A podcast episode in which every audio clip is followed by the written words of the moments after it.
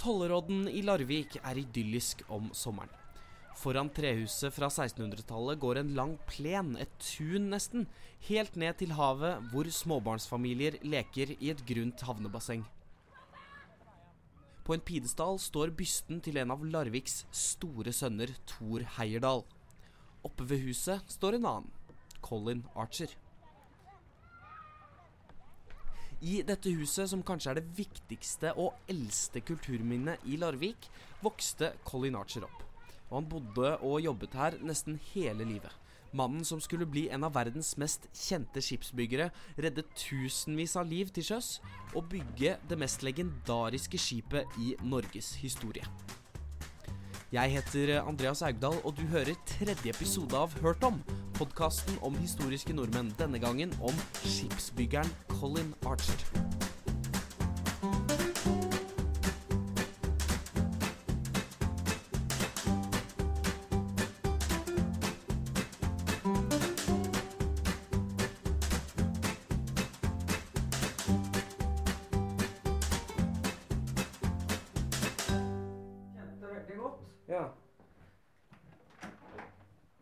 Nå går du inn i det 1600-tallshuset, da, herifra.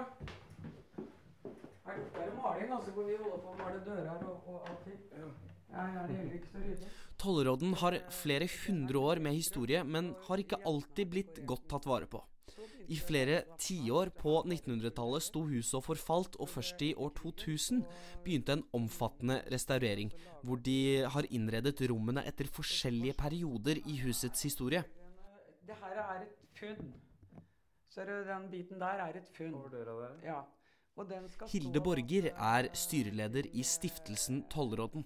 Etter hvert som det flytta folk inn her, så bare la de ting på det ene på, på utsida av det andre. Av paneler og strier og gips og you name it. Nå er huset på en måte en reise i stilhistorie og personhistorie. Det første du tenker på, er kanskje at eh, Colin Archer ikke er et spesielt norsk navn. Eh, Han hadde skotske foreldre som emigrerte til Larvik i 1826, og Colin kom til verden seks år senere, i 1832. Faren William eh, kom til Norge for å søke lykken i trelastindustrien, og moren Juliana var engelsklærer. Og begge jobbet veldig hardt, for tollråden var egentlig en altfor dyr eiendom for dem. Eh, De hadde ikke så veldig mye penger, rett og slett. Og så ønska de seg denne fantastisk svære eiendommen. Og han betalte vel egentlig, altså faren da, som heter William Archer, han betalte nok på dette stedet her nesten hele sitt liv. Og de fikk 14 barn mens Juliana jobbet, og eh, Colin og søsknene hans fikk en ganske tøff barndom. Jeg tror nok oppveksten han har vært veldig prega av arbeid. Altså Siden de, har, de, de levde litt sånn fra hånd til munn, hele den familien. Så i lange perioder så var det nok 13 arbeidere i, på den svære eiendommen. Foreldrene var sterkt religiøse. De var eh, separatister, en gren av kristendommen som ikke aksepterer noen mellom seg og Gud. Altså ingen prester, ingen pave, ikke noe sånt. Og hver søndag så var det gudstjeneste med påfølgende afternoon tea. Hvor alle måtte stille i finstasen også etter at barna ble voksne og fikk egne barn. Og religionen, den ble med Archer hele livet. Det er klart det at jeg tenker, jeg tenker i hvert fall at når du har en sånn over, religiøs overbevisning om at det er ingen andre du skal stå til rette for enn en Gud, på en måte, så må du bare gjøre det som gjør at du opprettholder og videreutvikler din egen selvrespekt. For at du blir, er bra nok. Altså når ikke du kan gå og skrifte hos uh, en katolsk prest, som kanskje ville være naturlig for disse engelskmennene. Det, det er ikke anledning til når du er separatist. Da må du stå for det. Og derfor kanskje han, det er kanskje en av årsakene til at han var så samfunnsengasjert.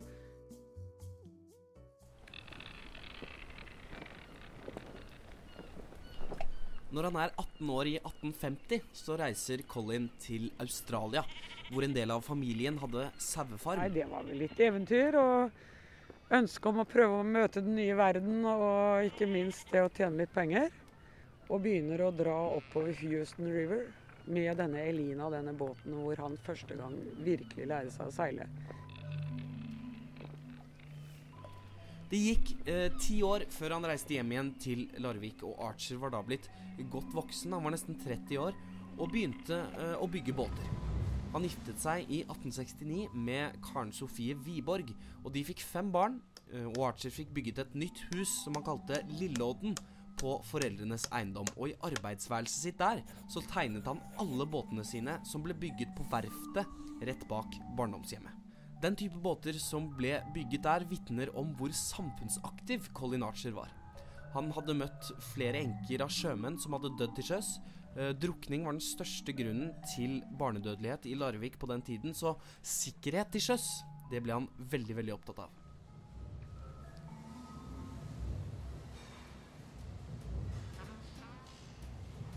På verftet ble det bygget eh, lystbåter og seilskip, men Archers kanskje første store suksess var losskøytene, som han begynte med på 1870-tallet. Hans skøyter var raskere og mye mer robuste enn alle andre på den tiden, og flere av dem seiler fortsatt i dag. Han evna å se helheter, og det er vel det som har gjort den såpass kjent. Eh, Colin Archer var med på å stifte eh, Redningsselskapet på den tiden, og han gjorde noen små endringer på losbåttegningene, og vips, så var den første redningsskøyta født. Og denne skøyta gjorde Archer virkelig berømt over hele verden. Den første av dem, RS1, fikk navnet Colin Archer, og den viste seg fort å bli overlegen alle andre skøyter på den tida. Mange av de 37 som ble bygget i Archers levetid, seiler fortsatt de òg, og har reddet tusenvis av liv på sjøen. RS1 alene berget 274 mennesker fra den sikre død. Dette gjorde han til en velstående mann, og han engasjerte seg veldig i byen han var født og vokste opp i. Han startet en eh, organisasjon for å forskjønne Larvik by.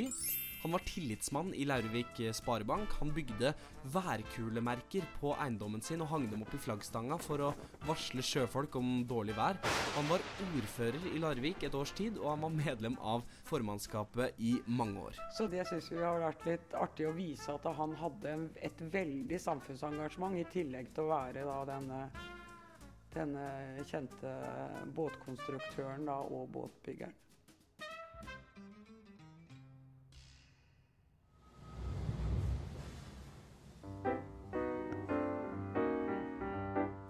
Og sånn gikk nå dagene på Tollerodden. Båter ble bygget. På det meste så jobbet det 50-60 stykker på verftet, og i 1886 så ble Archer utnevnt til ridder av første klasse av St. Olavs orden for arbeidet med losbåtene. Og på dette tidspunktet så er han den mest berømte båtbyggeren i Norge. Så en tidlig vårdag i mars 1890 får Archer et noe uvanlig brev fra en ung forsker. Herr skipsbygger Colin Archer. Med fare for å bli ansett som påtrengende tillater jeg meg å søke deres mening i en for meg ytterst viktig sak. Det er anledning konstruksjonen av det skip som jeg har tenkt å bygge for min prosjekterte Nordpolekspedisjon. Jeg har fått laget et foreløpig utkast til skipet på Akers Mekaniske Verksted, og min bønn er nå intet mindre enn om de vil se på dette utkastet og si meg deres mening om et skip bygget så omtrent etter de prinsipper vil kunne bli et noenlunde sjødyktig fartøy. Det ville være av stor verdi for meg. Med høyest aktelse, ærbødigst, Fridtjof Nansen.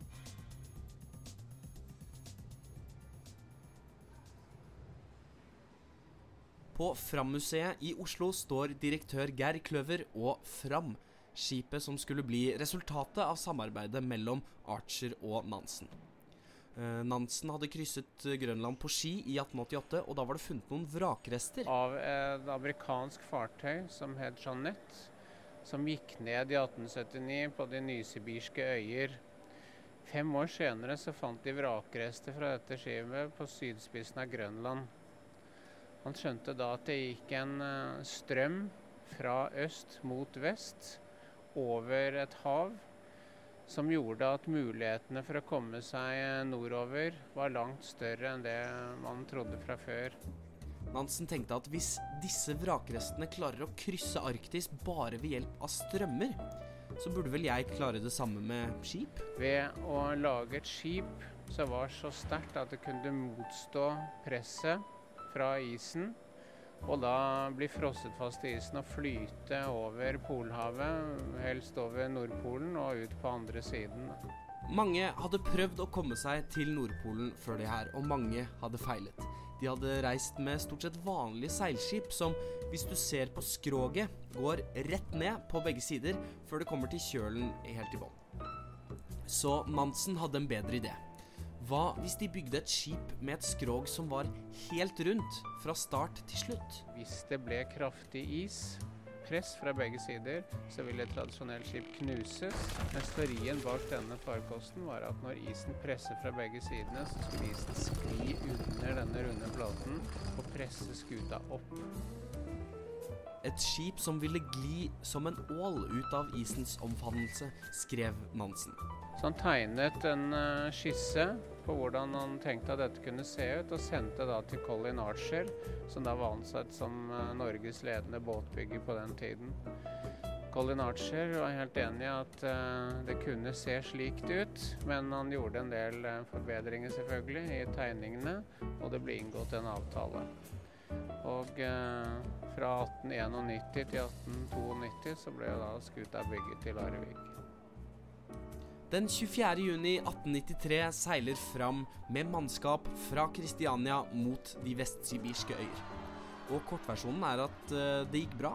Skipet frosset seg fast og skled opp og dratt over isødet. Og det var jo helt galskap før avreise. De fleste trodde at de ikke ville komme tilbake, og heller ikke at uh, skuta ville klare seg. Så da de faktisk gjorde det, de kom til Troms i august 1896, så dro fram på en triumferende norgesturné langs hele kysten. Altså, Før Titanic var dette verdens mest kjente fartøy. Du vet jo hvor Titanic ligger i dag. Her står Fram. Og dette var på mange måter det virkelige startskuddet på norsk polarhistorie og moderne polarforskning og Archer hadde bygget skipet som gjorde det mulig.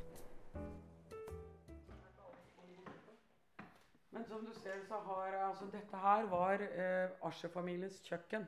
Og historien forteller at uh, Colin Archer han satt veldig mye her. Han både strikka og hekla sammen med moren sin, som da var 90, godt over 90 år, og som begynte å bli veldig dement.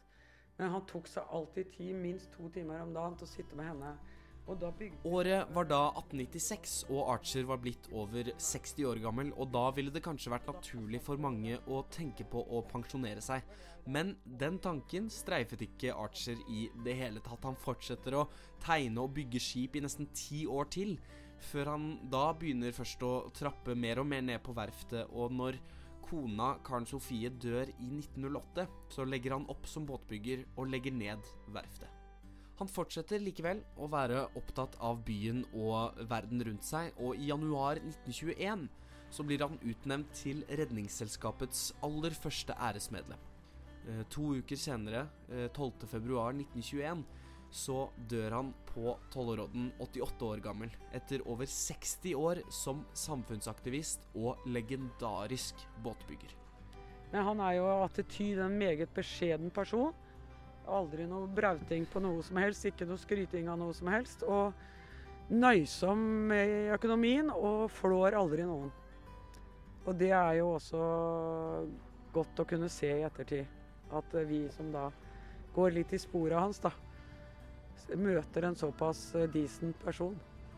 Når Fram var her på ferden mot nord, da, etter hun hadde fått master og sånn, mm. så er jo historien at han får, blir invitert om bord og får stå til rors på den båten ut til Svenner, og så er losbåten og henter han der. Så da fikk han seile den skuta. Og det har nok vært stort for han.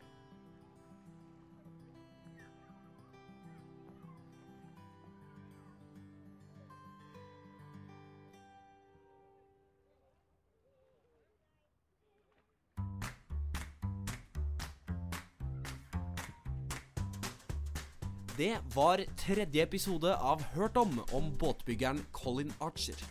Tusen takk til eh, Hilde Borger og Geir Kløver som delte av sin kunnskap.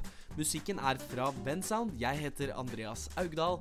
Og hvis du likte denne episoden, eller noen av de andre for den saks skyld, så tips gjerne kjente og kjære om Hørt om. Uh, gi en kjapp tilbakemelding i iTunes, og følg oss på sosiale medier som Facebook, Soundcloud og på Instagram. På Hort om podkast så kan du følge serien Oslo-stedsnavn, hvor vi forteller historien bak stedsnavn som Grorud, Egertorget, Majorstua, Cubaparken og mange, mange flere.